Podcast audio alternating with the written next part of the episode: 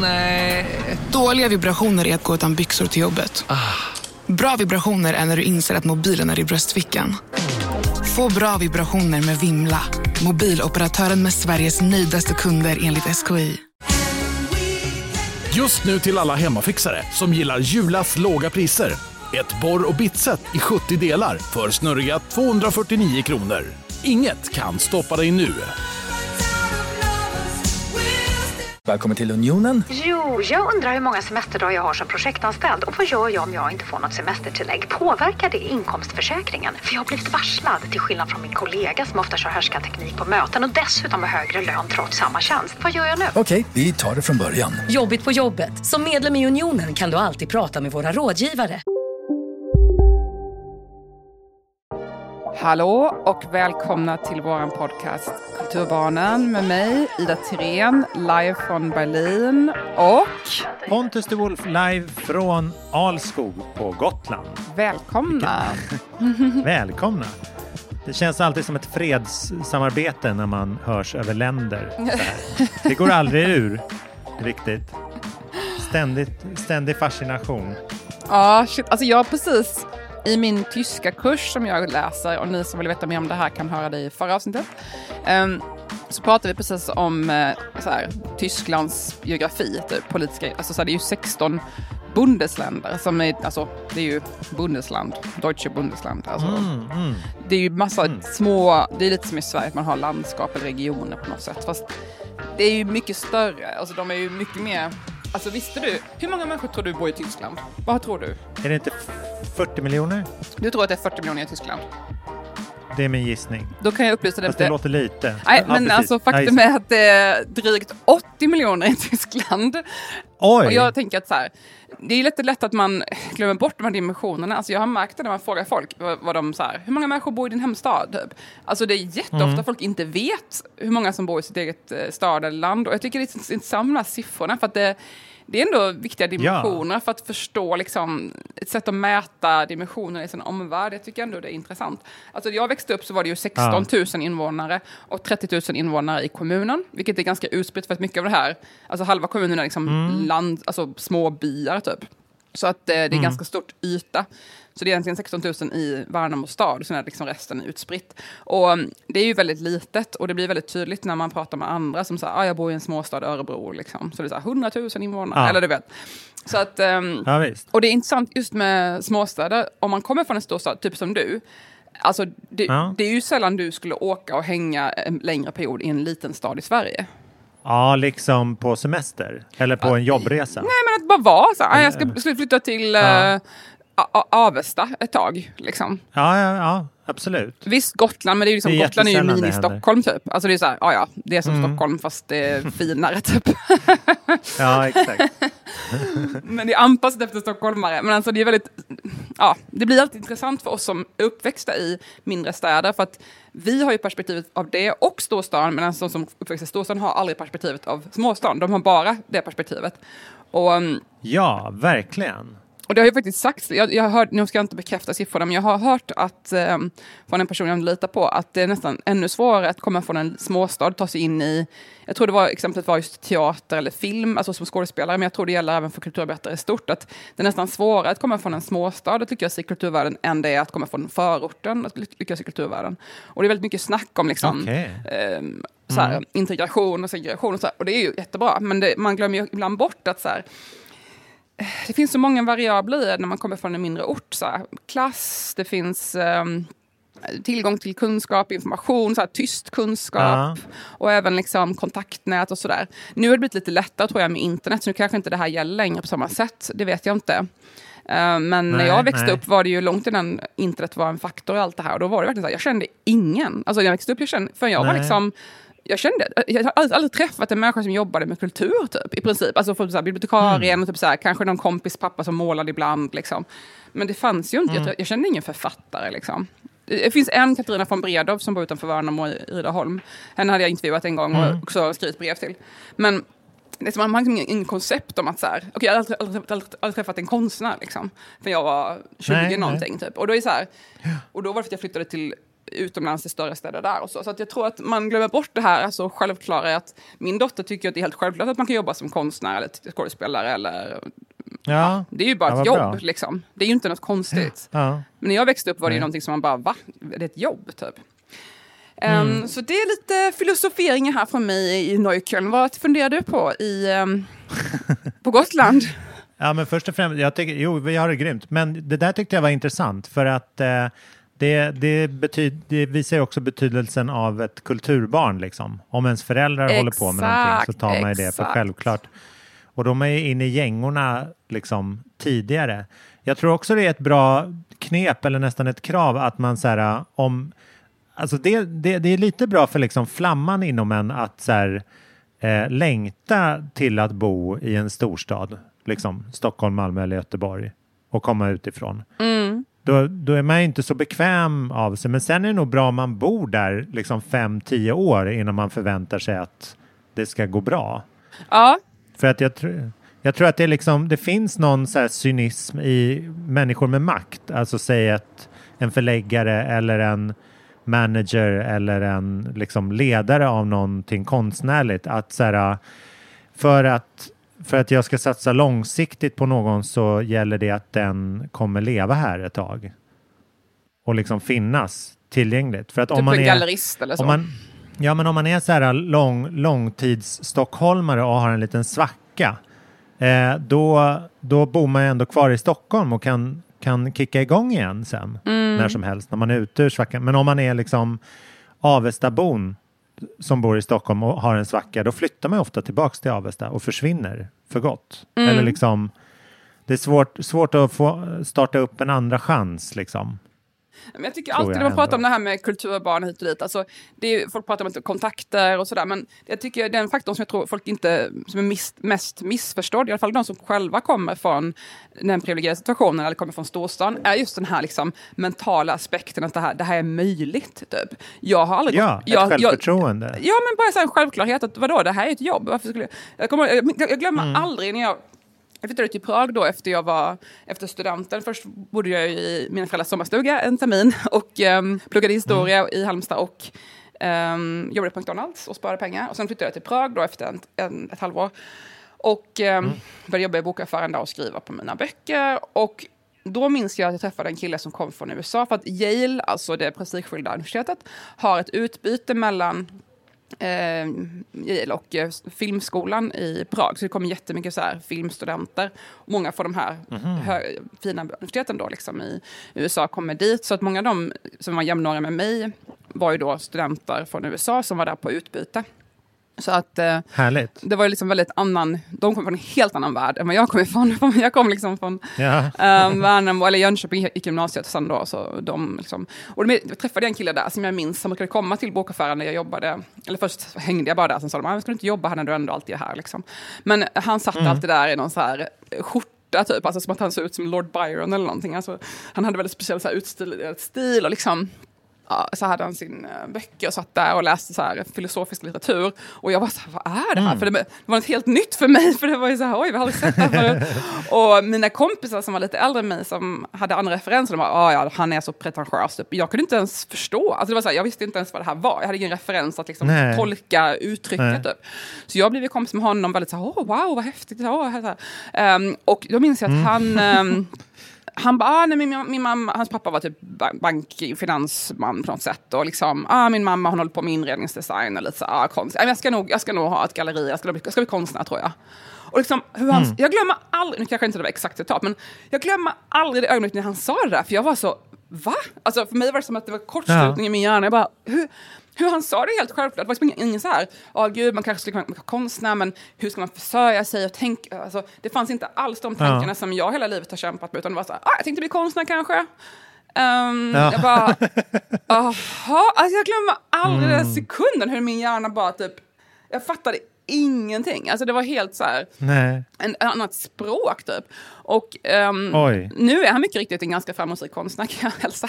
Jag träffade på honom några år senare ja. och då var det så, ah, såklart var han jätteframgångsrik konstnär. Och han är ju begåvad så också, men han hade ju också en pappa som var mm. finansman på Manhattan, har gått på alla de finaste skolorna i Manhattan. Liksom. Han, hade ju redan, han var ju redan ja, där visst. när han var 19 och jag var ju så, va, kan man bli konstnär? Var det ens ett jobb? Mm. Liksom? Och jag minns att så här, jag har nog alltid drömt om att gå typ på Konstfack eller på Kungliga konsthögskolan. Och nu när jag är 37 ja. gammal, nu känns det ganska så här, ah, ja, det skulle jag väl kunna göra, jag kan väl komma in där. Mm. Men det tog mig fram tills jag var typ 35 innan jag tänkte att det var ens en möjlighet. Alltså det var så här, va? Mm. Nej, men man kan inte försöka som konstnär, ska jag bli konstnär? Nej, det går inte. Skrivandet var mer så här, ah, ja, jag måste skriva. Och så får jag hitta ett jobb, mm. ja, men då skriver jag i tidningen för då kan man försörja sig. Liksom. Det var mer så här, det är ett, ja. hantverk som man kan använda på något sätt, men konsten var så, det är för abstrakt för att så här, kunna applicera på något annat. Typ. Så det var alldeles för osäkert för mig att välja mm. den vägen, för det, det fanns liksom ingen backup typ. Medan skrivaren finns mm. en backup i, inbyggt liksom, i att man kan skriva. Så det var lite, ja, tankar. Fan vad spännande. Ja, men det, det där måste man alltid liksom aktivera. Så här, vad, vad gör jag här? Hur kom jag hit? Och särskilt när man börjar när det börjar spöka att man liksom jämför sig med folk, vad folk har åstadkommit och sånt där, så måste man ju uh. påminna sig om att det är väldigt olika vägar fram. Eh, de, de konstnärer man, man läser om, de har ju, för dem har det oftast bara räckt att bli galna och sen måla snyggt och få coola kompisar. Och så slår de igenom när de är 17. Men för, för majoriteten är det ju inte det. Det kanske inte är alla... Alltså de det skrivs böcker om och görs filmer om kanske inte är de bästa heller, utan liksom de som är mest intressanta att berätta om. Så det är lite skevt. Man kan tro att det är de enda som har egentlig framgång. Ja, precis. Alltså vad är framgång? För jag, jag minns också, samtidigt, jag tror att jag har sagt det här förut på det, men alltså jag har tänkt mycket på det, att när jag var typ inte ens 30, då kände jag redan att jag hade liksom blivit så otroligt framgångsrik så att ingen hade förväntat mig att jag någonsin skulle bli så framgångsrik. Alltså jag nådde en punkt när jag var typ 28 när jag kände oh my god, det finns ingen annan från Värnamo som skriver bokrecension i Svenska Dagbladet. Det finns ingen annan från Värnamo som, fått liksom, som drivit en litteraturtidskrift. Um, som jag hade gjort mm. då. Liksom. Det finns ingen annan från Värnamo som hade fått bo som hade bott utomlands, som jag som modell. Jag, bara, jag har redan pikat, typ. Alltså inte pikat, men jag har redan ja. nått en punkt som ingen hade förväntat sig av mig när jag växte upp i Värnamo. Alltså det fanns ingen som sa, aha, men eh, det finns ingen så här mm. syo som bara, ah, men ska du inte göra de här grejerna? Typ, det var ju redan så folk var så här, va, har du mm. gjort allt det här? Det är helt sjukt. Och då var jag inte ens ja. där, jag var inte ens där jag ville vara. Jag ville bli publicerad författare, det var ju min dröm. Liksom. Men jag kände, mm. jag insåg att så här, tack vare min bakgrund så har jag, har jag nått framgång på ett sätt som, hade jag växt upp på Södermalm eller på Mosebacke, då hade det liksom, med konstnärsföräldrar, då hade jag varit ganska misslyckad kanske. Mitt eget jag skriver bara lite recensioner i tidningen, typ. Vadå? Det gör väl alla? Mm. Liksom. Men för mig var det så här, jag skriver i Sveriges största tidning, herregud, jag är så otroligt framgångsrik på ett sätt. Ja, ja. Så att det, det, är liksom, det är så mycket mm, var man kommer ifrån, så det är också en belöning i det, att, så här, att få känna att wow, jag har lyckats med någonting. Jag tror att jag hade känt mig extremt misslyckad ja. eh, nu om mina föräldrar var typ nobelpristagare. Då hade jag känt mig totalt eh, fiasko. Precis. Jag är för sig ändå, men... Men, men då var ju du i det där mindboggling-ögonblicket igen, fast det var du som mindbogglade. Ja, så här, oj, har Ida från Värnamo gjort allt det här? Ja. Fan vad sjukt, typ. Ja, men verkligen.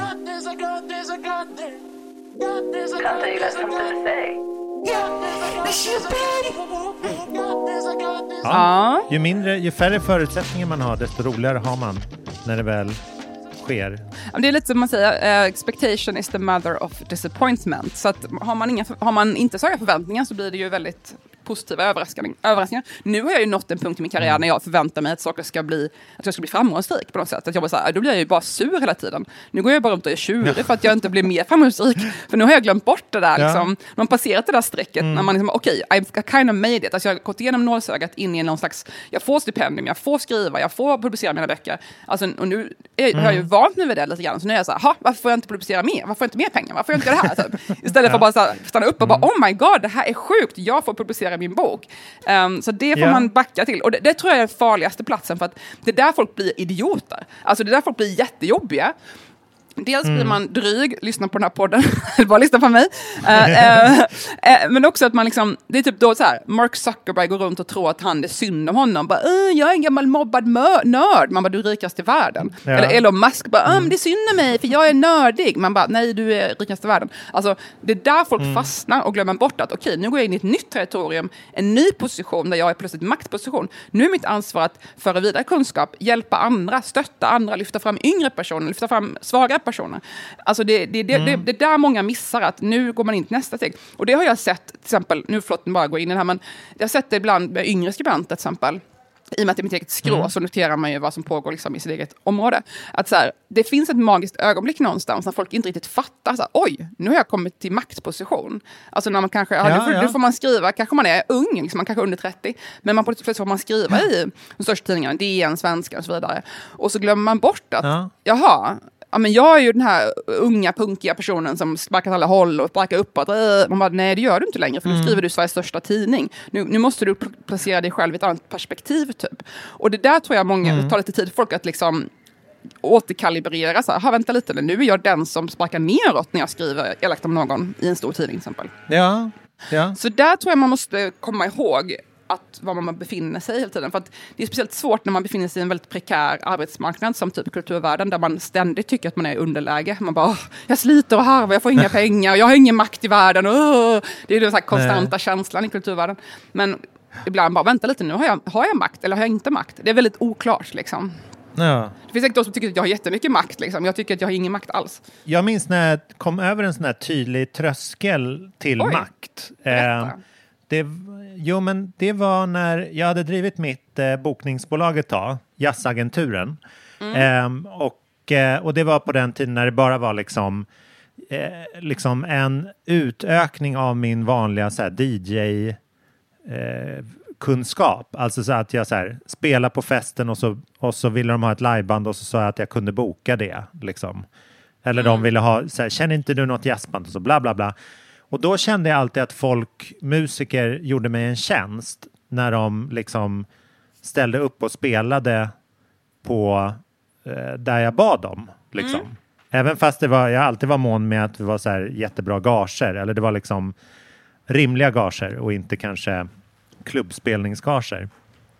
Eh, och då, och, och sen så, så gick det ett par år och det gick bättre och bättre och sen så märkte jag att så här, okej, okay, det här är ju mina vänner allihopa, men jag märker att när jag ringer dem så har jag alltid ett erbjudande om pengar. Liksom. Ah. Alltså att jag, ah. jag, liksom, jag hör av mig och då kände jag jag kände liksom deras förväntan på mig att jag skulle erbjuda dem ett jobb. Så att det blev liksom en så här... Oj, vad konstigt! Jättekonstigt. Och det var liksom inte, alltså, jag säger inte att jag anlitar alla mina vänner, men ett tag var det så här, liksom, Pontus sitter på jobb och det var, det var liksom i och med kåken också. Alltså när jag var så här DJ-bokare ah. så, så bokar man ju ofta de man tycker om, liksom. Och, men även de man tycker är bäst. Men att man har ett litet så här jag vet inte, folk, folk har ett gott öga till en för att man har något att erbjuda. Liksom. Um, mm. Men sen så bara rullade det på. Den, den grejen slutade vara nojig liksom, efter ett tag. Så nu bara flyter det på ganska galant. Uh, men det finns, det, jag, jag, minns verkligen när jag var så här, min motsvarighet till att kliva in på, på redaktion här, och kunna bestämma, det var det där när jag så här, Eh, jag hördes mer med kompisar för att jag hade jobb till dem än att jag hade liksom min vänskap till dem eller vad man ska säga. Hur kändes det då? Jäkligt speciellt. Alltså det var ju nojigt där i mitten, eller just vid den piken, att det var så här det, lite att jag så här, är de snälla mot mig för att, eller liksom är de överdrivet snälla mot mig för att jag har pengar som kan bli deras? Mm. Liksom, lite som att man så här, inte köper vänskap, men jag, eh, och det är väl inget så här, alltså spela gigs på events är inget som har särskilt många så här, jag kan ju inte blåsa dem, för då är jag körd i hela Stockholm. Det är alltid mm. bara side note, en bra, bra arbetsmoralgrej när man jobbar med många människor. Att jag kontrakterar ju ingen, men jag kan ju inte blåsa en person för det skulle komma ut direkt. Liksom. Sen är jag helt, helt toast. Så att jag måste ju bete mig jätteschysst i alla lägen. Det kan vi återkomma till. Men ja, det har lugnat ner sig i alla fall. Och eh, nu är jag bara en, en kul prick som, som initierar roliga saker i mina vänners ögon. Men det kanske tog lite tid för dig att landa i liksom den nya positionen, lite den nya rollen på något sätt. Ja, också för att jag har sån respekt för deras extrema talanger. Liksom. Att det inte, jag, jag ber ju om något i världsklass varje gång. Liksom. Kan ni spela otroligt bra här? mm. Så det, det är ju en... Uh, ja, man, man får ha den reality-checken. Men den går över. Den går över. Sen hoppar man till en annan tidning och blir redaktionschef där istället. Ja, precis. Man tar för givet. Ja. Jag tycker det är så intressant, alltså, ja, bara lite side-note, men typ nu när jag ändå har befunnit mig i den här eh, världen sedan 2010, så, alltså när jag säger den här världen menar jag väl typ så här, skrivit för tidningar och, eller rört mig i kulturvärlden på något sätt. Och, mm. I Sverige. Och då man har ju sett, då var jag ju 25, och det har jag ju sagt tidigare på den också, men jag tycker det är så, jag slutar aldrig fascineras över så hur man får se um, positioner förändras. Um, det blir väldigt mm. påtagligt, för att när man började då var ju alla så unga studenter typ. Jag var på en utställning här i Berlin, faktiskt bara precis vid mitt hus, eh, som jag hyr häromdagen och det var, den heter Landscapes of Belonging och var på Kindle som är Centrum för Zeitgenössische Genössische Kunst, alltså så, modern konst. Och um, det var väldigt mycket... Ja, det har satt sig i den där tyska kursen. ja, det, det var... Ja. Um, ja. Der Zeit, äh, Die Zeit, ja, ah, fan, ah, ja, i alla fall.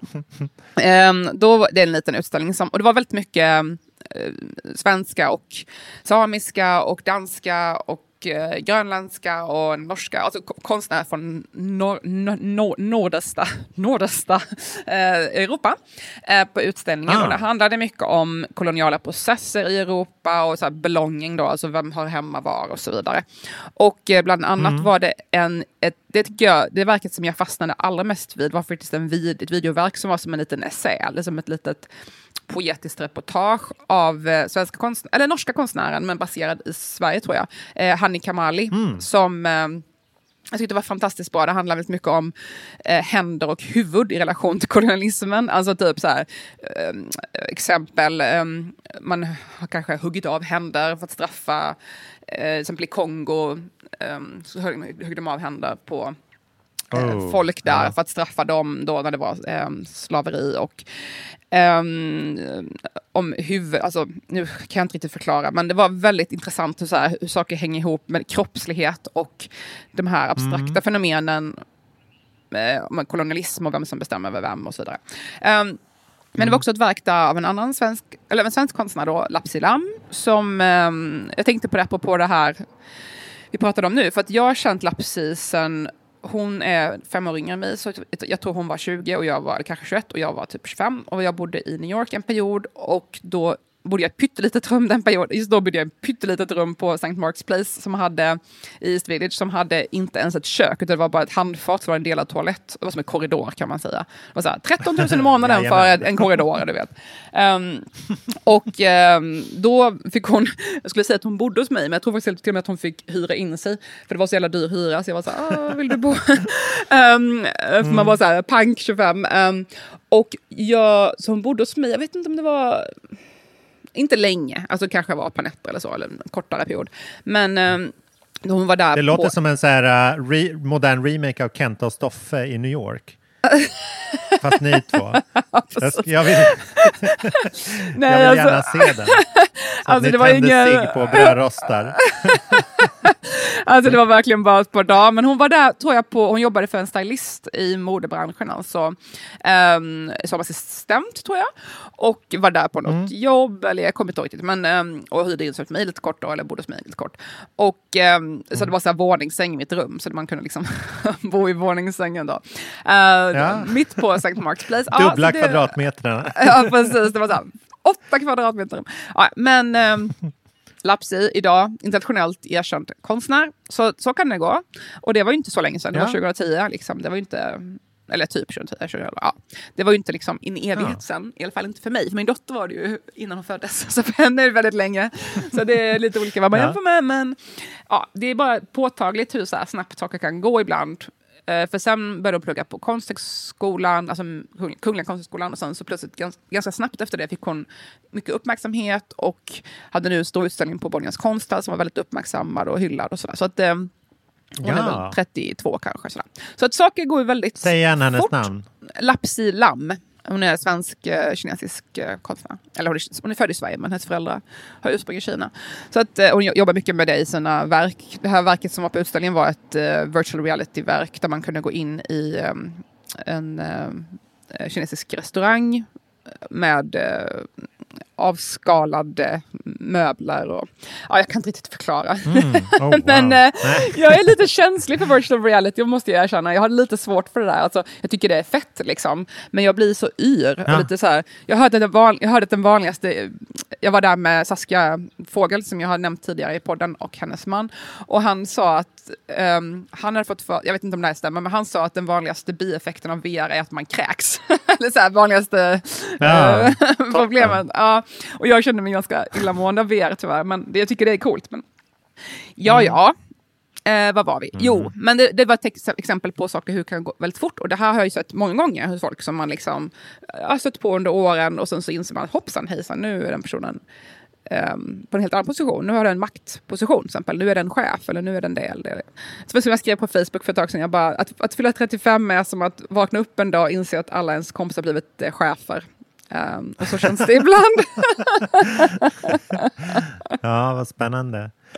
Det, man, jag, jag koll, kollade här snabbt, man kan ju lyssna på hennes sommarprat från förra året. Just det!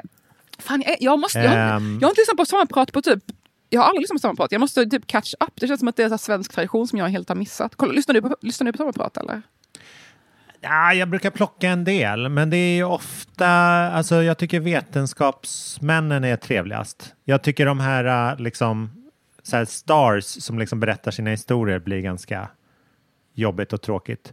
Men det, det finns ju vissa som är highlights såklart. Det finns det ju alltid inom allt. Men Jag, ska, jag kan skicka dig en liten tipslista.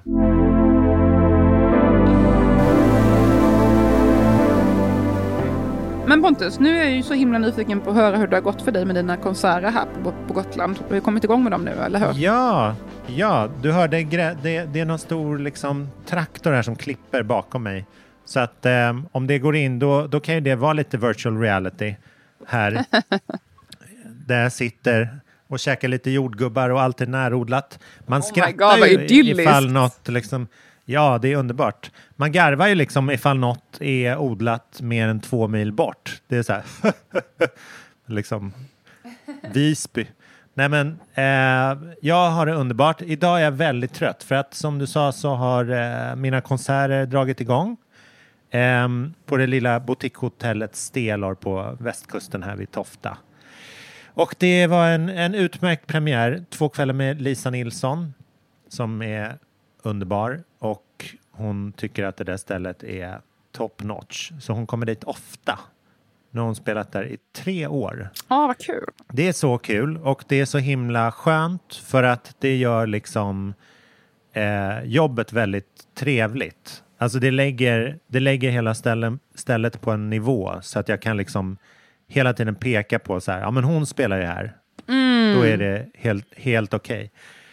Eh, och det är, ja, det är mycket som handlar om det. Det pratade vi om Hasse Alfredsson när han var med på en så här skiva som jag Ja, vi pratade om det nyligen i podden. som Mm. all, ja, då ville alla andra också vara med. Ehm, och det är ju en sån här um, eh, en, en liten medalj både till att, att de gillar själva att spela där men också att man tar hand om dem. För liksom folk som kan välja och vraka både när det gäller liksom konstnärer eller musiker eller sådär, de tar kanske inte alltid de största ställena de kan, utan ställen där de faktiskt mår bra av att spela. Så det, det är också en så här, liksom, i min, i min kommunikation med bokningsbolag och sånt där så betyder det jättemycket också. För att säga, jaha, har den spelat här två, tre gånger? Ja, men då Eh, då kan vi ta ett snabbt beslut om att skicka det här bandet också och så liksom blir det Mm. Mm. st- streamlined. Men jag skulle inte bara prata om mig själv utan det, jag vill helst, alltså jag, jag har kommit till ganska många insikter de här två kvällarna för att det är ju de första ordentliga som jag gör och arrangerar efter eh, covid och efter restriktioner när man har liksom eh, när man bara fick ha 50 pers förra och för, förra året. Liksom. Det var ju väldigt svårt att arrangera så då satte vi ihop det med så här matpaket och sånt där och gjorde saker som vi egentligen inte var så här toppen intresserade av men ändå för att liksom hålla, hålla grytan kokande på något vis. Eh, och det har varit så himla intressant med att eh, se vad det är för publik. Och det jag konstaterar är att publiken är mycket äldre nu än innan covid. Alltså, shout out till 40 och 50-talisterna som går på konserter. Och det är liksom, för att vi har ju pratat, alltså vi pratar ju ofta om så här återstart och att att så här, spelningar och kulturevenemang och sånt där har svårt att få tillbaks publiken. Det är ju ganska, det visas ju ganska ofta att det liksom, folk har skaffat sig andra vanor, köpt bättre tv, de har blivit bättre Mm. på att liksom filma fotboll så folk stannar hemma från det. Eh, och att liksom vanan, vanorna har förändrats. Men jag kan säga att det är så här, shout-out till den äldre publiken för att de har inte ändrats. De vill snarare ha mer. Just nu skulle jag säga att de typ håller uppe svensk kultur under armarna lite grann. I alla fall om man vet vad man, vad man ska hitta dem. Den sortens publik. Och då kan jag, då kan jag meddela att det är inte i Stockholm. för att Alla Där- vill vara i Sverige kom- nu och njuta av naturen. Ja, ja, precis. Det är liksom de små, och, och det här pratade jag med dem efteråt, där vi, eh, liksom när vi hängde i baren lite, vad, vad de har för erfarenheter kring sina, från sina turnéer nu, post-covid och sånt där. Att det är liksom de så här, lokala, små, speciella ställen och att man älskar liksom själva stället lika mycket som, som artister som kommer dit. Alltså att man har en så här lojalitet till att så här, ja men den här gamla teatern eller den här skruttiga vingården som de har rustat upp eller den här, så här Ersta kyrka i Stockholm till exempel på Södermalm, den går så här svinbra för att det blir en så här, ja jag kan se min artist fast där. Liksom tillsammans. Det är en konsertställe, det är ett- inte en kyrka utan det är en kyrka som är konsert. Ja, det är, det är en kyrka som liksom används för det. Och så sjunger man tillsammans, eller liksom folk uppträder tillsammans med deras kammarkör. Alltså det är bara som ett exempel. Men folk är liksom, eh, folk, folk väljer verkligen efter ställe på ett annat sätt. Och den grejen, den tror inte jag att liksom du och jag har när vi är i Stockholm. Om man tar oss som, som exempel. För jag, jag är den första att erkänna att jag är en skurk vad gäller att liksom gå på evenemang efter corona. Dels är det för att jag försöker arrangera så många som möjligt själv. Jo, men det är också det är att så här, jag tycker ändå att det är lika kul att så här, gå till en skateboardpark liksom, Mm. och hänga med mina kompisar där. Ja, mina föräldrar var på en konsert med Jack Vreeswijk och Brolle som sjöng eh, Cornelis, alltså Cornelis Vreeswijk-låtar i Värnamo på Ja. Gummifabriken i Värnamo som är vårt nya kulturcenter. Som, ja, ni känner till från podden. Ja. Ida Thirén, Music, Culture and Science Center, Center, känd från podden. Eh, vi är, nu är det nedräkning, det är bara 19 år kvar innan det byter namn. Ehm, vi Exakt. hoppades på 20 år förra året, men nu är vi 19. Ja, I alla fall. Eh, ehm, och det var tydligen jättemycket folk och väldigt populärt. Och så här, det var, precis som du säger, det var jätteuppskattat. Och de sa också det att, det var, jag tror det var kanske den första konserten de hade nu på den här turnén eller efter Mm. pandemin. Och de, man märk, de sa också i alla fall att man märkte att de var så himla taggade, liksom, de som uppträdde då. Alltså Jack och Ja, Olle. ja. Det var så himla kul att få sjunga. Man märkte verkligen att de också var taggade. Så det var liksom ett utbyte Ja. på både publiken och artisterna. Så det är nog väldigt eh, mycket kanske som du säger, att det finns en särskild publik som har verkligen törstat ännu mer. För att ungdomar har ju alltid sprungit runt på stan ändå. Alltså, Ja, men precis. Och det här, äh, det, jag, tyck, jag tycker också att jag har liksom läst om att eh, folk klagar på eftersom vi i Sverige inte hade några eh, restriktioner att tala om egentligen. Alltså vi låstes inte in hemma. Så har vi heller aldrig riktigt firat att vi kommit ut ur corona. Nej, Eh, och många ungdomar gick ju fortfarande i skolan och sådär, så att de fick fortfarande träffa sina vänner. Mm. Precis. Och det var, nej men bland annat i så här, En varg söker sin podd så var det ett ämne som jag hörde och det liksom ploppar upp den där åsikten. Men, men jag, jag skulle säga så här att eh, det, Sverige, dels tror jag att, att svenskar är mycket mer så här individualister så att man får liksom ta tag i sitt firande själv. Och där ser man ju liksom mycket utlandsresor eller att man liksom ja, firar att man så här, klarade sig undan genom att köpa sig en riktigt god present liksom. Eller skjuta ut sig på en krog eller något.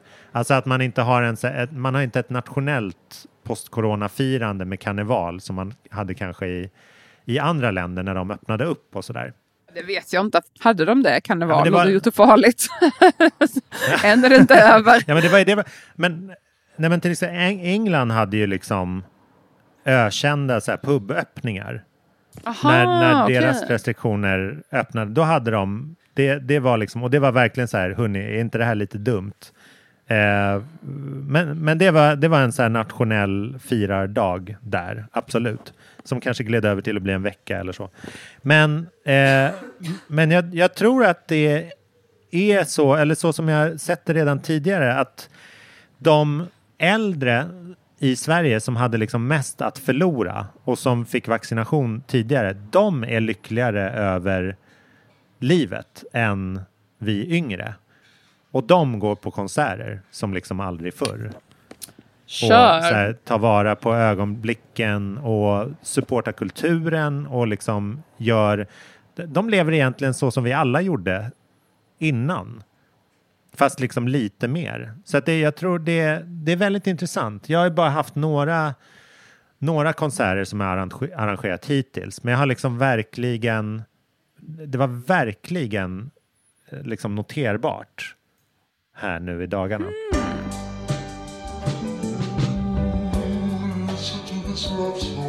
Jag har också kommit till en insikt faktiskt nu i dagarna. Ehm, nämligen att jag gillar inte ehm, att uh, vara semestra. Eh, Nej, Eller låt mig, vi backar lite. Eh, nej, men alltså jag, eh, man, jag, man blir, jag börjar bli vuxen, tycker jag ändå. Alltså så här, nu känner jag, ja men som sagt jag är 37 år gammal nu. Det är ändå så här, man, Ja. kommer inte, man har väl någon Hej, Synoptik här. Visste du att solens UV-strålar kan vara skadliga och åldra dina ögon i förtid? Kom in till oss så hjälper vi dig att hitta rätt solglasögon som skyddar dina ögon. Välkommen till Synoptik. Du, åker på ekonomin. Har han träffat någon? Han ser så happy ut. Var det onsdag? Det är nog Ikea. Har du dejtat någon där eller? Han säger att han bara äter. Ja, det är ju nice alltså. Missa inte att onsdagar är happy days på IKEA. Fram till 31 maj äter du som är eller blir IKEA Family-medlem alla varmrätter till halva priset. Välkommen till IKEA. Just nu till alla hemmafixare som gillar Julas låga priser. Ett borr och bitset i 70 delar för snurriga 249 kronor. Inget kan stoppa dig nu.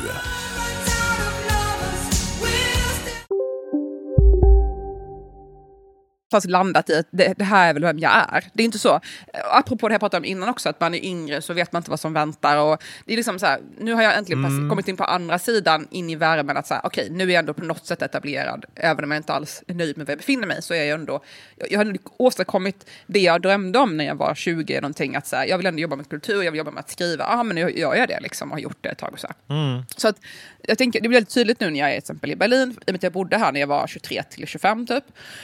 Och då inser man ju så här, allt det jag drömde om då, det är ju faktiskt så jag lever nu. Jag drömde om att bli författare, jag drömde om att skriva böcker, jag drömde om att skriva tidningar och sådär. Det kändes ju helt avlägset då. Det var ju sådana drömmar som man bara Ja. kunde föreställa sig och jag kände ingen, ingen kontaktnät, tidningar och så här. Det var helt, tanken på att få skriva en tidskrift liksom var helt så här, va? Hur ska jag göra det? Kommer jag någonsin få göra det? Och nu tycker jag att det är så här, skriva en tidskrift, jag har inte råd med den, för det är dåligt betalt. Liksom. Alltså när man, det har Mm. gått ganska snabbt från att jag, det var en dröm till att det blivit så här, någonting jag tar för givet. Och det blir väldigt tydligt Mm. när jag är här, för då jag återkommer till gamla platser jag varit och så tänker man, just det, här satt jag och drömde om det, så jag gör här, nu gör jag ju det, okej. Och det är också lite så här skön känsla, typ för att eh, Berlin är också en stad som är full av eh, wannabes, fast nu menar jag på ett bra sätt. Alltså fullt av så bohemiska Ja, ungdomar som ja. kommer hit för att så här, man kanske är 20-25, drömmar, man tar lite kul, man festar, man vill bli konstnär, man drömmer är kultur. Och, det är en så här Europas kulturhuvudstad på något sätt. Eh, och mycket ungdomar och klubbar och så här. Och då är det lite kul att bara så här, ah, när man sitter där på ett café och bara, ha, ja men jag gör ju allt det där som många här drömmer om. Det är ändå en fet känsla. Ah, alltså, det ah. känner jag inte så ofta, för i Stockholm finns det inte sam samma så här, i Stockholm vill ju alla typ så här, jag vet inte, bli entreprenörer eller influencers eller någonting sånt. Alltså, det är ju inte riktigt att folk bara, åh vad cool, jag skulle vilja bli författare. Det är, inte, liksom inte riktigt det som folk kanske generellt drömmer om. Men här är det ju mycket så här, oj, här är, här är det faktiskt någonting jag känner, oj, jag, jag, det är ju coolt det jag gör. Alltså, det är ändå lite härlig känsla. Ah. Men, mm, det var inte riktigt det jag skulle komma till, utan det var bara en liten sidospår. Men jag har ju då kommit fram till att de sakerna jag gör nu är ju exakt samma som jag gjorde då. Alltså jag sitter på ett jävla café, Ja. dricker en cappuccino och läser en bok. Eller skriver lite på, min, på någon bok jag håller på med. På en, alltså antecknar lite Mm. i min telefon. Typ. Det är exakt samma sak som jag gjorde för 12 år, för, inte 12, 15 år sedan. Bara att nu Mm. kanske jag då potentiellt får betalt för det. Liksom. Men det intressanta är att jag då, land, då inser jag någonstans, jag bara, "Ha, okej, då är det här väl vem jag är. Det här var inte bara någon så här fas, och alla som är 20 vill bli konstnärer. Eller så här, du vet, Ja. när man säger, "Ha, det här är nog vem, jag kommer sitta där när jag är 70 och läsa, dricka en cappuccino och läsa en bok och skriva lite på min telefon eller vad fan det nu det, det blir då, det är väl VR på något sätt, eller jag vet inte. Alltså, Ja. säger, det är ändå ganska härlig känsla, att så här, ja, det här är vem jag är. Jag, kan- jag, det kommer inte ändra sig så mycket, jag, jag är exakt likadan på många sätt. Visst, jag har ändrat sig mycket för jag har fått barn Ja. och bla bla bla och man har lärt sig om sig själv hit och dit. Och, men alltså i grund och botten, det jag gör är ju exakt samma. Så idag på min tyska kurs då, så frågade min fröken, fantastisk, underbar, alltså jag rekommenderar, åh, jag är så nöjd med min fröken, mina två lärare, åh, underbar. Hon bara, ah, vad skulle, om du har en vecka, vi pratar om Tysklands geografi, hon bara, ah, okej, men du har en vecka i Tyskland, var skulle du vilja åka? Då skulle man så här, säga så här, ja, åka till eh, Ostsee und eh, schwimmen, och liksom, alltså så här, öva sin tyska.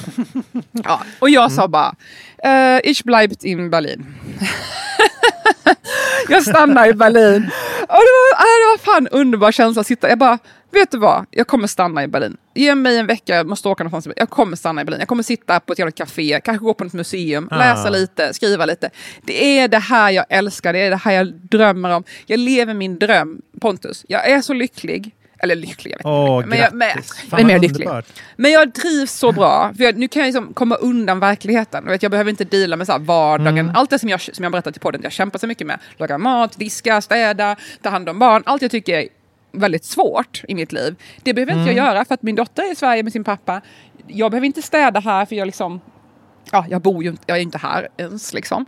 Mm. Ehm, och jag lagar inte mat, jag äter ute, äter halloumi och falafel och hit och dit. Så jag, inte, jag, jag, jag, jag gör inte ens kaffe, jag, jag dricker kaffe ute. Jag gör inte ett piss som jag tycker är svårt. Jag bara sitter på kaféer, dricker kaffe, tre gånger om dagen dricker jag cappuccino. Sen dricker jag också bionade, alltså växlar lite, man måste variera lite. Mm. Läser mina böcker, skriver mina böcker, går på lite tyska kurser. Behöver inte oroa mig för någonting som har med verkligheten att göra och jag lever i en drömvärld. Jag vet att det är liksom kanske inte den mest hållbara situationen. Hade det här varit jag, mitt liv alltid, då kanske jag hade känt Mm. en viss tomhet, en viss känsla av var det här allt i livet? Men när jag får uppleva det en, några veckor, jag tycker det är så fantastiskt. Det är så underbart. Ja men fy fan vad härligt. Ich bin ein Berliner. Sitter du och nynnar för dig själv. men ich bin det. Schriftstellerin.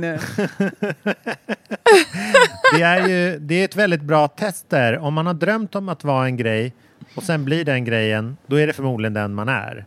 För att Eh, det är ja. liksom... Man kan, man kan inte liksom ta ett, ett, ett stort kliv åt någonting annat sen. Riktigt. Om man inte är den typen av liksom kameleont. Men också det, du stryker verkligen under liksom vikten av att återvända till platser. Och att kanske, så här, det, det är inget de säger till, så här, kids, till kids som vill åka till Berlin och utomlands och andra städer. Och så här, det är väldigt bra för dig att bo där ett tag för att då kan du komma tillbaks dit 15 år senare och se hur det blev. Alltså för det där har ju du lagrat i Berlin. Det kunde ju inte du komma på i Stockholm. Nej. Liksom på Nej. samma sätt. Det har du helt rätt i. wow. Den, den eh, Pokémon Go-ampullen var Ja. eh, i Berlin och blev unlocked Ja. this gem in Berlin. Yes. Ja, Nej, men det, jag ser på, jag ser tillbaks liksom på när jag åkte till London nu i, vin, i våras. Just det. är liksom Mm. lite samma, lite Just samma det. kick då, fast jag satte inte ord på det riktigt. Ah, Men intressant. att då var ju, liksom den gången jag var där tidigare, då hade jag ju verkligen de drömmarna av att vara lite mer så som jag är nu. Ja, men jag minns man satt...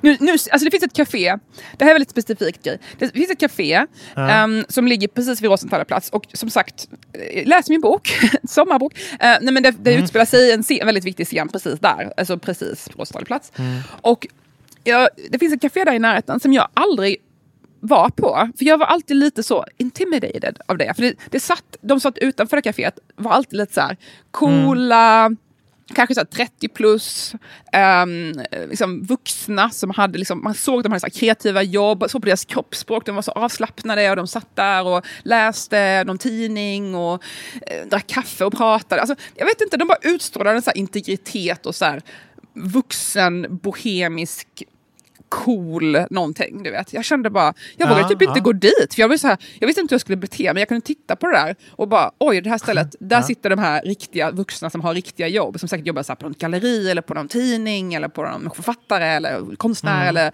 alltså riktiga konstnärer, inte så wannabe som man själv. Liksom. Och jag tänkte, Nej. och så här, jag, kände, jag tyckte alltid det var så här, åh det där stället liksom. Och nu, var sitter Ida Thirén? Jag sitter på det där fucking caféet varenda dag och jag bara känner mig så himla hemma. Typ, det är ingen som tittar på mig och bara, "Åh, vad gör den här jävla ungdomen här? Ska inte hon typ gå tillbaka till Berghain Ja. eller liksom. Eh, utan gå tillbaka till sin tyska-kurs. Mm. Men utan jag är så här, ah, jag sitter där och läser lite, Mm. sitter där och skriver lite. Jag känner mig bara jag hör hemma där. Jag är en av dem nu som jag då satt och tyckte så här, wow, de här är så coola. Tänk skulle man vara som dem någon Mm. gång. Och nu är man som dem. Så ser man de här ungdomarna som kommer förbi och de är så uppklädda i så coola kläder och häftiga frisyrer. Och själv sitter man där i sina Mm. linnebyxor och någon t-shirt och bara... "Ah, Där kommer ungdomarna och sitter man där. Fan, jag älskar att vara vuxen. Alltså Pontus, jag älskar att vara vuxen. Jag tycker det, jag njuter. Ja, jag- jag älskar att vara 37 år gammal. Jag har också märkt på sistone att jag inte vill vara ungdom. Liksom. Eller alltså, jag, när jag ser de där ungdomarna gå runt och se coola ut så har jag ändå ingen längtan efter att liksom vara dem. Det, jag trodde det skulle vara mer ångestfyllt. Nej, men man att bara, vara- ah, kul att ni kör. Typ. Nej, det är väldigt bra.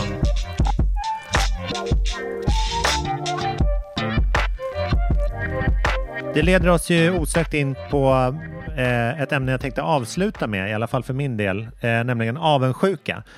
Vi pratade ju lite om, Oh, vi pratade om det förra ett återkommande veckan. ämne i podden. Ja, jag vill inte börja med det, för då skulle det liksom bli hej, välkomna till Avundsjukepodden. Vi är två kulturarbetare. Klick. Men eh, det- här eh, handlar om, alltså förra veckan så pratade vi om den här eh, ETC Stockholm reportaget, det här grävet i Just Täby det. Mm. med de som Mm. hade liksom eh, villaägare där som hade stängslat in en allmän plats eh, med, med bad Strandtom. och ja, precis, flera stycken liksom gått samman lite grann. Ehm, och det här har ju blivit liksom veckans grej på Twitter och på vissa nyheter. Jag vet inte om du har hängt med i det? Jag har bara sett på DN. Alltså. Ja. Jag är off eh, social media just nu. Eller jag, är inte, jag, jag, jag har kollat lite Facebook, men jag har tagit bort min, alltså jag har tagit bort min Instagram för några veckor sedan. Jag tyckte det var så himla Aha. skönt. För att, Ah. jag- Bara lite parentes, ifall någon försökt nå mig. Alltså. För att grejen är att jag brukar ofta regelbundet så här, eh, jag brukar typ inte ha appen särskilt ofta på Nej. Instagram, så jag kan bara gå in på det i webb- webbläsaren. Men särskilt sitta hemma och skriva och så, då blir det väldigt lätt att jag ändå så här går in och scrollar. Typ. Alltså jag har väldigt lätt att fastna i att scrolla i. Ah, alltså jag ah. har min hjärna bara, ah, info, info, info, info. Och det, det, det tar så mycket energi, man börjar jämföra sig, apropå avundsjuka, det triggar igång massa tankar och bla bla bla. bla. Mm. Och särskilt när jag sitter hemma framför datorn, alltså, har man ett vanligt jobb där man faktiskt måste tider att passa och människor att prata med, då är det en annan sak. Men jag sitter där helt själv i åtta timmar, då blir man, går man in i en sån här scrollgrej. Liksom. Det var Så jag har en- insett att det räcker Ja. inte. Nej. Alltså, då, bara så här, då har jag insett att det räcker inte för mig att bara så här, nu tar jag en paus Nej. för mig själv, alltså i hjärnan. Utan jag måste typ ta bort hela kontot. Ja. Så just nu finns inte mitt konto på Instagram. För att man kan inte nå mig där. Man får väl hitta ett sätt att nå mig. Jag finns på Niro, jag finns på vad fan, Facebook, bla bla bla. Mm. Det är inte svårt att hitta, mig, liksom, min mail. Men jag, jag måste typ ta bort, eh, akt, avaktivera, för jag klarar inte riktigt av det här att bara så inte göra det. Eh, och det är väldigt bra för mitt skrivande faktiskt. Det är väldigt bra för min kreativitet kan jag säga. Men förlåt, fortsätt. fortsätt. Ja, men jag har tänkt på mycket det. Många vill ju stänga av sin Instagram nu över sommaren, liksom, för att man, man börjar liksom rentvå sig själv och så här, "Åh, skärmtid och så här, panik över det. Och så här, varför scrollar jag bara? vill vara lite mer närvarande. Ja, men det var en grej jag märkte eftersom jag, jag står ju själv i dörren och skannar biljetter på, på de här Stelor-konserterna på Gotland. Och då, alla, alla lyckliga och äldre och de, de som är högakta för de går på konserter, de hade en sak gemensamt, nästan allihopa, och det var att de hade Android-telefoner. Så att jag kan ju tipsa om, för att det verkar vara liksom att man, man går in för att inte ha så jävla bra telefon. Tror jag kan vara en grej. För att då är liksom... Jag tror inte att Android är sämre. Nu blir du väldigt eh, kontroversiell här. Jag Pontus. tror de använder det på ett liksom mindre scrolligt sätt, skulle jag säga. kanske bara är mindre teknikintresserade, liksom, att det är ett tecken på att man är mindre. Det finns ju, det jättebra Android-telefoner också, som är väldigt men det dyra och det. avancerade. Men jag, jag tror inte, ja visst. Men det, det, det var bara en liten eh, en observation. Well, anyway. Mm. Men Ja. dagen, dagen efter vi poddade, eller vår podd kom ut, så, så startade ju en förening eller en, eh, ett konto eller vad det nu var, som hette eh, Folkets bad. Folkets bad trendade. Och då var det Mm. liksom en så här aktionsgrupp som helt enkelt eh, pinnade den här platsen, kallade det för Folkets bad och sen uppmanade alla att dra dit och bada. Och det blev ett så här liksom... Aha, hög- det var så det gick till. högst betygsatta badet i Stockholm och så här och liksom li livesändes så att det blev värsta hipster-hangoutet där. Eh, och det har blivit väldigt liksom ökänd den här helikopterplattan som är olagligt byggd. Och Ja. att det liksom, ja nu folkets, för ni som undrade vad den, vad den handlade om så var det ju det. Men det var, och det, avundsjukan där, alltså jag pratade om en, en villaägare där som figurerade som sa att de är, det är folk som är avundsjuka som har hört av sig till kommunen där. Nu är liksom tables have you turned nu, att så här, avundsjukan blir ju de villaägarna som förut hade en helt perfekt olaglig strandtomt som nu bara får se liksom folk ha roligt lite i största allmänhet på den istället. eh, men det var återigen, det var egentligen inte den här bryggan jag skulle prata om, men jag skulle prata om eh, eh, någonting som kom upp idag, nämligen att musikförläggarnas pris, alltså Musikläggarna är en, en, eh, en organisation för svenska låtskrivare och liksom producenter och textförfattare och sådär, en väldigt branschig organisation som, eh, som årligen har ett pris som heter Musikförläggarnas pris som du säkert inte har hört talas om, men du kan ju liksom gissa vad det är. Jo, jag har det för att min eh, kompis eh, har fått det. Noni Bao, min Ja, kompis ja, Jonna ja. Li. Ja, Ja, hon har Ja, fått det tror jag, så jag, jag har hört om det tack vare det. Ja. Hon skriver helt grymma låtar. ja, så jag har för mig att jag har hört om det tack vare det. Men annars hade jag inte haft en blekaste aning. Så det är väldigt Ja. så branschgrej. Precis, men de eh, musikläggarnas ordförande eh, som heter Kerstin Mangert har gjort massa intervjuer idag för att de har nämligen gått ut med eh, ett nytt regelverk där de inte ska prisa, alltså de, de motsäger sig att prisa dömda eh, låtskrivare eller upphovspersoner. Alltså folk som är liksom dömda till brott helt enkelt. Var det inte inom det senaste året typ? Jo, precis. Alltså att man ska ha ny- alltså avtjänat, avtjänat sitt straff och sen plus ett år, liksom. Om man nu är straffad. Men det är i alla fall en väldigt, alltså det är, en, det är såklart, det är väldigt kontroversiellt. Och man vet inte vad man ska tro Tycker om du? det. Ja, alltså min första gut reaction, för att alla tidningar lägger ut bilder då på Yasin och eh, Drilo såklart, liksom. För att det är, det är väl därifrån liksom eh, diskussionen har tagit fart lite grann. Alltså det är ett sätt att bemöta, jag ser det bara som ett sätt att bemöta liksom problematik med gangsterrap egentligen.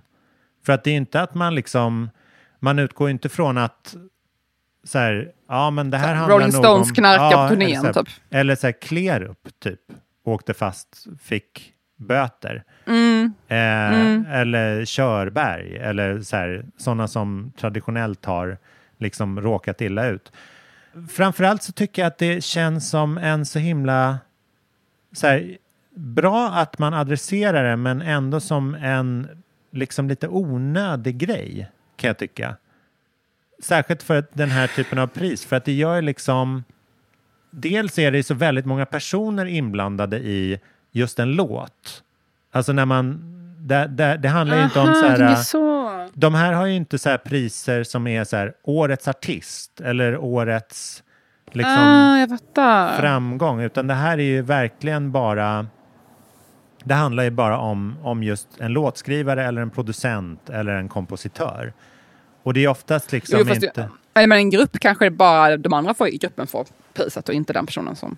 Ja, men jag tror att det är liksom... Jag tror inte... Alltså, det är ju ofta artister och de som står liksom längst fram i de här projekten som är de som, som granskas. Ja. Eller som, det är liksom där som, som problemet uppstått. Liksom. Men det, det, det finns ju redan självreglerande mekanismer. Till exempel så åkte ju liksom Torsten Flink åkte ju dit för någonting och blev utsparkad ur Melodifestivalen för ett par år sedan. Så att det, här, det finns ju redan ett liksom att, att folk tar ett ställningstagande i sådana här situationer där, där det behövs. Äh, jag tyckte det var ganska förvirrande, liksom varför man gör en så här big deal av det. Ja, alltså jag läste faktiskt också den här texten, i alla fall i Dagens Nyheter, och, eh, med henne. Och jag, tänk, jag fattar inte, det verkar väldigt oklart som du säger. Hon verkar som att de inte riktigt har bestämt sig själva heller. De var så här, ah, vi får se hur vi ska göra med någonting Ja. i den här stilen. Typ, typ så lät det ju liksom på henne. Men jag tyckte, min spontana tanke var faktiskt ganska bra ändå. Alltså, nu var det verkligen spontana tanke, jag har inte tänkt Ja. det jättenoga. Jag, men jag är glad, glad att du tar upp det, för jag har också tänkt ta upp det nämligen i podden. Men jag har bara glömt. Men ehm, på något sätt tycker jag ändå man måste göra någon slags ställningstagande. Vi har ändå en väldigt, alltså visst, jag, jag håller med om det argumentet som ofta används att så här, jaha, det är bara för att det är killar i förorten så ska vi straffa dem, men vi skiter i de här eh, knarkande popkillarna på Rish liksom. Mm. Jag håller med om det, absolut. Samtidigt har vi ju ett extremt stort och eskalerande problem med gängvåld, särskilt Mm. unga killar. Eh, och ett, nu har jag intervjuat folk som pratar om det här. Jag har intervjuat en man som eller jag behöver inte nämna något namn, det måste jag kolla på vad han heter. Men jag har intervjuat en del folk om de här frågorna under åren och sådär. Och fått lite olika perspektiv för folk som är liksom på marken med de här frågorna, som är fältassistenter och och dit. Mm. Och det som jag har fått, fått, fått till mig väldigt mycket är att det verkar som att en väldigt viktig faktor är det här just med förebilder, att det saknas positiva förebilder. När man växer upp i en, en miljö som är väldigt socioekonomiskt utsatt och liksom segregerad, eller alla är Mm. segregerade, men eh, så. Ehm, då saknas det ofta positiva förebilder, utan de enda som man har som sin närhet, apropå vi pratade om tidigare, det blir väldigt fin eh, återkomst det vi pratade om i början, att så här, jag växte upp i Värnamo, jag kände ingen konstnär, alltså kan jag inte bli konstnär. Mm. Alltså så här, jag växte upp i eh, ett om, utsatt område, det enda jag vet som lyck- lyckas med någonting är han som säljer droger och eh, det är han som har fetast kläder och det är det enda sättet jag kan tänka mig att få de här kläderna är att jag också säljer droger. Ja. Alltså det är oftast på den nivån det handlar, för att det är så Mm. unga människor, de har inte riktigt den långsiktiga tänkandet. Alltså, folk under 25 har ju inte färdigutvecklad eh, konsekvenstänk rent fysiologiskt. Liksom. Mm. Så då tänker jag att det väldigt ofta handlar om så här, aha, förebilder och så blir det de här förebilderna som hela tiden är ehm, rappare och jag lyssnar på de här rapparna också så att det, jag förstår ju men då är väldigt många av dem är kriminella och öppna med sin kriminella livsstil och så vidare. Mm. Och där kan jag ändå förstå så här att okej, vi är en organisation som vill pos- ha positiva förebilder, vi vill uppmuntra till positiva saker med musik. Ska Mm. vi då belöna dem som är väldigt dåliga förebilder för Mm. och är en del av varför så här, vi fortsätter ha den här problemen med skjutningar bland unga pojkar och liksom. Jag kan förstå att de kände lite så här, okej, vi är ett gäng vuxna, vi måste ta ett ansvar och ta ett beslut. Ja, jag kan ändå absolut, förstå den tanken. Sen vet jag Ja. inte om det, är liksom, om det här är lösningen på något sätt, men jag kan ändå förstå så att man känner lite att Fan, ska vi uppmuntra de här människorna som redan ställer till med massa skit? Ja. jag kan fatta den känslan. Ja, absolut. Men sen är det ju också liksom varför det kommer på kartan. Jag, tror- jag tror ett av problemen är att liksom musik är så extremt också bedömt efter liksom framgång och pengar. För att de, Mm. De, de ser ju också eh, gangsterrappen som viktig för att den inbringar mycket pengar? Eller för att den är framgångsrik liksom? Ja, det är ju Sveriges största musikgenre just nu kan man väl säga, i alla fall bland unga människor. Ja, precis. Men så det, jag tycker det finns en liten disconnect där. Så här, gör det att det är den bästa? Alltså så här, är det ett sånt pris som går till de mest framgångsrika eller är det de som går till liksom de som skriver bäst låtar eller vad man ska säga? Alltså det är väldigt... Förstår du vad jag Ja, menar? det är lite oklart kanske vad de syftet är. Ja, Mm. för jag kan tänka mig att en sån här äh, organisation som Grammis till exempel, där, där sitter Mm. jag med och jag, jag tycker det är, alltså där slås jag ofta av att det, är här, att det är fett osmakligt varför det ska upphöjas där. Men där är det ju en, en ren så här, business, alltså den som, Att vad ska, vad ska upphöjas? Att, att liksom den här våldsbejakande typen av Jaha, musik mm. ska liksom, Mm. alltså där, men det, det är bara för att det jag är liksom, känner mig pappig. Alltså jag tar inte till med den och därför så tycker jag att den är, det är trist att den vinner grammisar liksom. Alltså det är en sån här Mm. gut reaction och sen kan jag professionellt se på det på ett annat sätt liksom. Mm. Men att liksom, jag tycker att det är som en kulturyttring så är den intressant och att den, den involverar ju mig i att den här, tar mina pengar. liksom, att de har hittat ett medel hur man gör musik idag på ett så här, snabbt och, och framgångsrikt sätt eller vad man ska säga. Ehm, Mm. men, men att där, där handlar det ju mycket mer om så här, att den som är mest framgångsrik är bäst. Alltså där, där tar man liksom, det är våra största, vi ska fira våra största, Du menar på Att- musikförläggarnas pris? nej på Grammis menar jag. Och Jaha, på förli- Grammis, ja. förli- f- musikförläggarna är lite mera doldis och liksom inom bransch. Att så här, vi vill, Mhm. vi vill hylla det här och det här och det är ganska mycket så här up and coming i det. Då har man lite Att mer man- ett val någonstans i och med att man är lite mer, man måste inte mäta allting. Ja, det är en annan typ av så här, återinvestering i kanske liksom så här, årets eh, nykomling producent eller årets textförfattare och så här. Att det är mycket mer, det är, de har ju inte en liksom årets artist eller årets album. Det är liksom inte, man, man kan säga att Grammis är mer så här skivbolagens eh, pris och det här är förlagens pris. Alltså de som liksom skriver låtar på ett organiserat sätt och sen håller, håller kvaliteten hög på... Ja, nej men det, det kommer lite från ett Ah. oväntat håll, så det är liksom så känner jag Ja, också. de ska gå i bräschen för det här. Men vi, det känns som att den här konversationen kommer vi fortsätta med. Ja, den har ja. pågått länge, det känns som att vi kommer fortsätta med den ett tag till. Alltså det är en komplicerad fråga. Ja, ja men det, jag, jag tror att det är så här, nu har vi sett, det här är ju dagsfärskt, så jag tror vi kommer få ganska många gensvar och kanske krav på ställningstagande från just Grammis och IFPI och liksom andra Ja, organisationer också. Och för den delen eh, konsertarenor eller liksom bokningar eller distributörer och sånt där. Så det, det ska bli intressant framöver. Hoppas att det kan bli en liksom branschen tvättar sig själv lite grann kanske. Mest för de här ungdomarnas skull Ja. så att det här inte säljer något mer. Eller? Jag vet, ja, ja, det är svårt. Jag vet, Ja. ah, nej, jag vet inte. Nej, nej, det där, vi får prata vidare om det här. Ja, gärna. jag, jag har en grej som jag skulle vilja nämna innan vi avslutar här. Ja, Förresten, det här, eh, jag vill passa på att säga också till alla, om ni gillar vår podcast, vi blir jätteglada om ni skriver ett betyg och vi blir också väldigt glada om ni skickar ett mejl till oss och berättar att ni tycker den är bra. Ja, Eller berättar för en kompis. otroligt. Då blir man...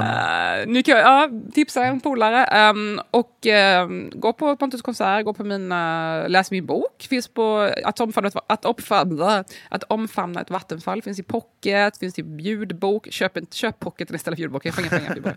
Eh, men nu vill jag berätta en sak Ja, som jag tror att många vill höra. Det här är väldigt viktigt.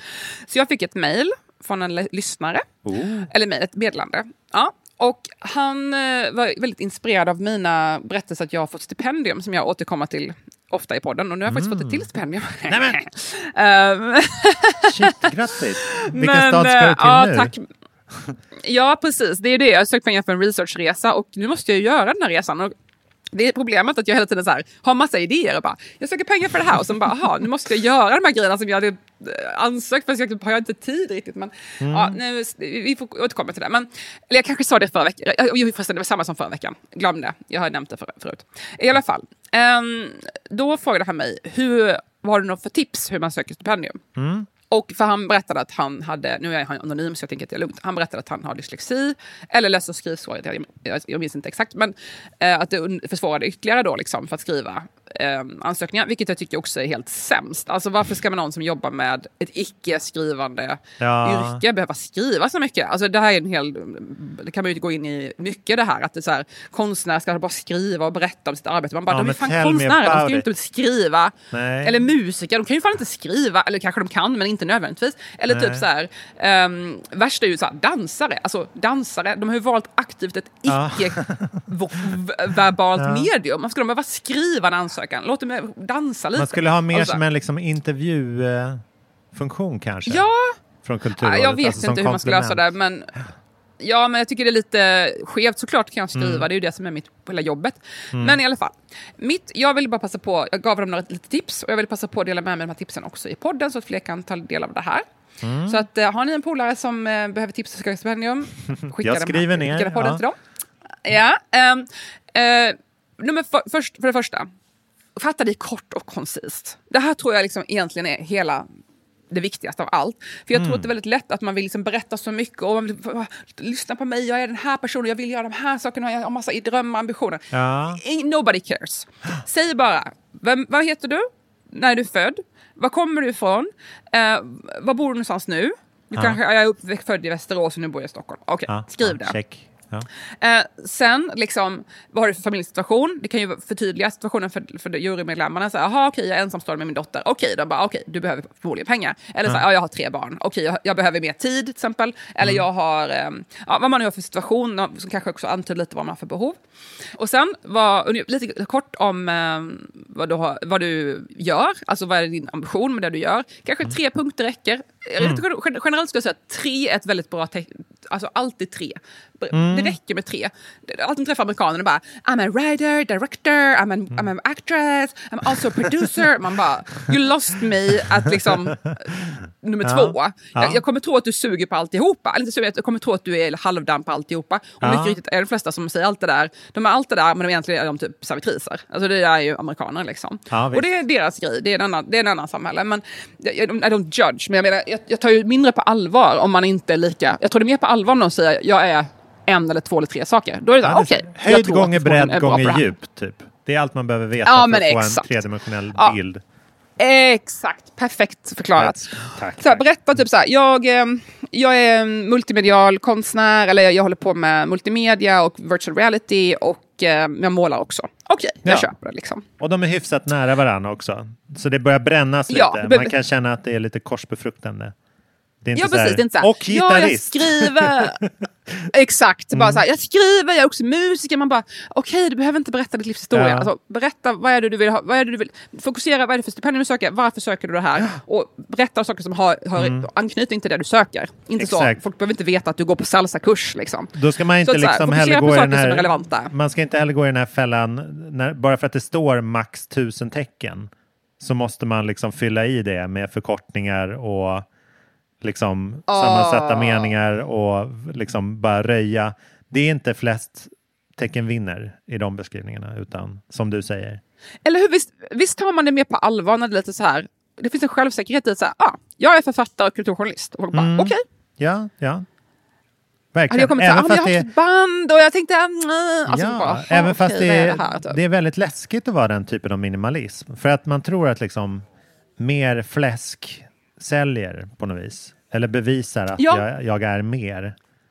Ja, please continue. Exakt, och jag tror det är det här. Det finns en självförtroende i att så här, våga så här, state, det här är de sakerna jag håller på med. Jag sysslar med multimedia eller sysslar med VR eller vad fan man nu gör. Mm. Koncentrera dig på det. Man ska inte, inte skriva så här 3000 tecken om dina drömmar och vad du ville bli när du var liten. Och så. Folk skiter i det här. De vill bara Mm. veta, vad gör du för någonting? Vad, och sen, först, vad, först, vad gör du? Sen, vad har du gjort? Till exempel, så här, Mm. lyfta fram lite saker som är relevanta. Jag brukar till säga så här, ah, jag brukar driva den här litteraturtidskriften i fem tryckta nummer. Vi publicerade de här Mm. personerna som sen har blivit väldigt framgångsrika. Det är väldigt kul. Du vet, så här, det tycker jag är en relevant grej. Så, aha, sen ska jag så här, ah, jag har skrivit i en rad svenska tidningar, du har skrivit recensioner och artiklar och skriver ofta Mm. om de här ämnena, typ litteratur och barns rättigheter. Mm. Okej. Och sen, ja, jag har skrivit en bok, den heter så här och så här. Mm. Nu skriver jag på en ny bok, ge mig pengar typ. Det är Ja. ungefär det jag skriver liksom. Jag måste inte redovisa varenda grej jag har gjort i mitt liv, mitt sommarjobb på McDonalds liksom. Nej, nej. Och ehm, det, då- det tänker jag så här, det, det du vill göra nu, det du har gjort, så får folk förstå så här, att du är en seriös person, du har lite erfarenhet, du har gjort lite grejer. Och sen, vad vill du göra sen? Vad vill du göra nu? Ja, Varför söker ja. du pengarna? Ja, Kort och koncist, det behöver inte vara så jävla bla bla bla. ja. Jag vill ha pengar för jag vill åka på den här researchresan för att jag ska kunna ta reda på de här sakerna. Mm. Och då skriver jag konkret. Mm. Fem, I det här fallet, nu senast jag fick pengar, då har jag skrivit här, fem punkter. De här Mm. sakerna vill jag ta reda på. När informationen finns på den här platsen, jag vill kunna åka dit, kan ni hjälpa mig med det? Mm. Finish. Och liksom, jag tror att, nu är det olika vilket stipendium man söker, men jag tror att det här är liksom nyckeln. Det behöver inte vara så mycket mer. Det behöver inte vara mer än kanske en A4-sida, som kanske en A4-sida med Mm. CV eller meritförteckning eller vad man Ja, lite formalia och budget och sånt där. Visst, det beror ju på. Och precis, sen är det formalia, sen Mm. är det budget. Och var tydlig och, och var inte, dra till med lite extra. Alltså jag söker alltid lite extra vad jag Mm. behöver. Sen så får man allt, oftast, kanske här, man kanske söker 30 så får man 15 och så Mm. räcker det med 15 egentligen. Liksom. Man kan vara lite, jag tror som, som kulturutövare är man så van att säga, åh, så står jag med hatten i hand, kan jag få den här för 500 kronor typ. Ja. Alltså att man liksom, man behöver inte um, underskatta liksom Nej, priset. där på har du verkligen, och det vill jag lägga till en bubblare, att man, det är inget fel Mm. i att skriva att man är bäst på det man söker för. Att man är För bäst? Att, exakt. Nej, men alltså att man söker för det som man är bäst på. Mm. Intressant. För att man kan ju få, liksom som ung stipendieansökare så kan man bli lite ängslig att så här, jag kanske måste utstråla att det inte går så bra. Eller att jag så här, är i desperat behov av pengar för att min verksamhet ska Ah. existera överhuvudtaget. Det går lika bra att säga liksom, ja, men jag har den här idén och det här är jag faktiskt bäst i Sverige på att genomföra. Liksom. Även om det, Intressant. om det, det kan vara en pytteliten grej. Men att man verkligen säger, ja men den här visionen, alltså den, den ska fram nu. Liksom. För att man får ju själv vara Mm. liksom så här, vad skulle jag ge stipendier åt? Vore det bara för att så här, strössla och känna att så, men den här kanske, om den här bara får en liten knuff så kanske det händer något. Jag tror att det i den här glasklarheten så handlar det också om att man ska så här, det här är så jävla bra för, för folket på det här sättet. Liksom. Ja, men det, det är ju alltid där man folk säger, folk säger så här, have the confidence of a white uh, straight man, eller vad, Mm, vad, de alltid, mm. vad de säger. Alltså det finns sådana uttryck så här att man ska alltid ha det här självförtroendet som liksom en, en medelålders vit man som bara, ja, men jag är ju bäst konstnär. Ja, Alltså, men så typ så här, en person från en minoritet eller många kvinnor eller så här. Man bara, åh nej men alltså inte ska väl jag, men det vore ju jättekul om jag kunde få vara konstnär och få måla Mm. Ja. lite, men alltså det behövs inte helt okej ifall det inte blir någonting. Typ. Nej, alltså, så här, men jag är konstnär, jag vill ha pengar, jag vill göra min konst, ja. jag är ju stor konstnär, jag är ju ett geni. Det är ju Ja, typ så folk precis. håller på. Ja, men, och självklart så Och det är så man ett måste här- tänka. The higher you fly, the harder you fall. Ju, ju djupare kan man ju falla ner då från en sån hög häst. Jo. Men, men det är också så här, det farligaste som finns det är att man hänger upp sin tro på det här stipendiet. Liksom. Stipendiet ska bara vara liksom ett ex, extra steg. För att det tar ju oftast liksom, man, annars skrotar man ju runt där fyra, fem månader och så här. Ja, Nej, ja, nej, men ju bara, bara när stipendiet, då ska jag börja. Liksom. Det är inte bra. Nej, alltså när jag säger att jag har fått de här stipendierna, som jag sagt, alltså jag söker ju så mycket stipendium att Alltså ni förstår inte hur många jag söker. Ja, alltså, ja, ja. Jag, och sen kanske ofta tar det ett halvår innan man faktiskt får pengarna. Och jag har sökt så mycket stipendier i mina dagar. Alltså, jag tror jag har sökt det här författarfonden, stipendiet tror jag sökt kanske så här 20 gånger och så har jag Mm. fått det ett par gånger. Liksom. Men då är det ju, ti- en, det är ju 10 procent av gångerna jag har fått det. Och det är ändå bra, alltså jag är väldigt tacksam. Jag menar bara att eh, jag har ökat chanserna nu efter min bok Ja. släppts, det är plötsligt mycket lättare. Nu är det väldigt mycket stor skillnad kan jag säga, eh, mot Mm, innan boken släpptes. Men alltså, det kan ju också bara tänka för folk så att man, man glömmer inte bort att, jaha, fick du ett nej en gång, kör igen. Alltså jag hade Mm. fem böcker som refuserades, eller fyra böcker refuserades innan min bok släpptes. Mm. Jag hade blivit refuserad liksom uh, 50 gånger typ för mina bokprojekt. Ja. Det, det är ju inte som att det hände så första gången, utan bara, Nej, jag nej, försökte en gång så blev det ingenting. Man bara, men sök igen, herregud. Mm. Liksom, eh. Så det var, liten, ja, det var en liten grej jag ville plocka upp här nu. Vårt avsnitt om pengar och Ja. makt i kulturvärlden. Fan vad fint. Där fick du till titeln också, så slipper jag tänka på det. Mm. Ja. Pengar och makt. Vi hörs nästa vecka, Pontus de Wolf Ja, och alla som lyssnar. Det här piggade upp mig oerhört. Nu är jag inte trött längre. Utan nu kan jag liksom gå vidare och köra nästa grej. Du bist ner, nicht äh, mehr, nej du bist nicht, äh, du, du bist äh, myd, nicht müde mer. Alltså fan, jag kan, ordföljden alltså, det är problemet. Ja. Men okej, vi hörs. Vi löser det. Ja, nej men det, ha det jättebra Ida. Snälla hör av er om ni gillar podden eller så, vi blir jätteglada. Ja. Puss puss, hej då! Hej då!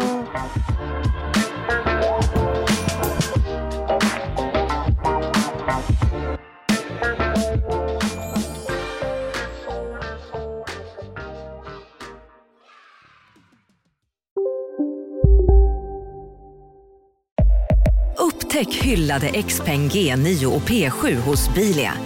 Våra produktspecialister hjälper dig att hitta rätt modell för just dig. Boka din provkörning på bilia.se xpeng redan idag. Välkommen till Bilia, din specialist på XPeng. Ja, Hallå? Pizzeria Grandiosa? Jag vill ha en Grandiosa capriciosa och en pepperoni. något mer? Med kaffefilter. Ja, Okej, ses samma. Grandiosa, hela Sveriges hempizza. Den med mycket på. Psst! Känner du igen en riktigt smart deal när du hör den?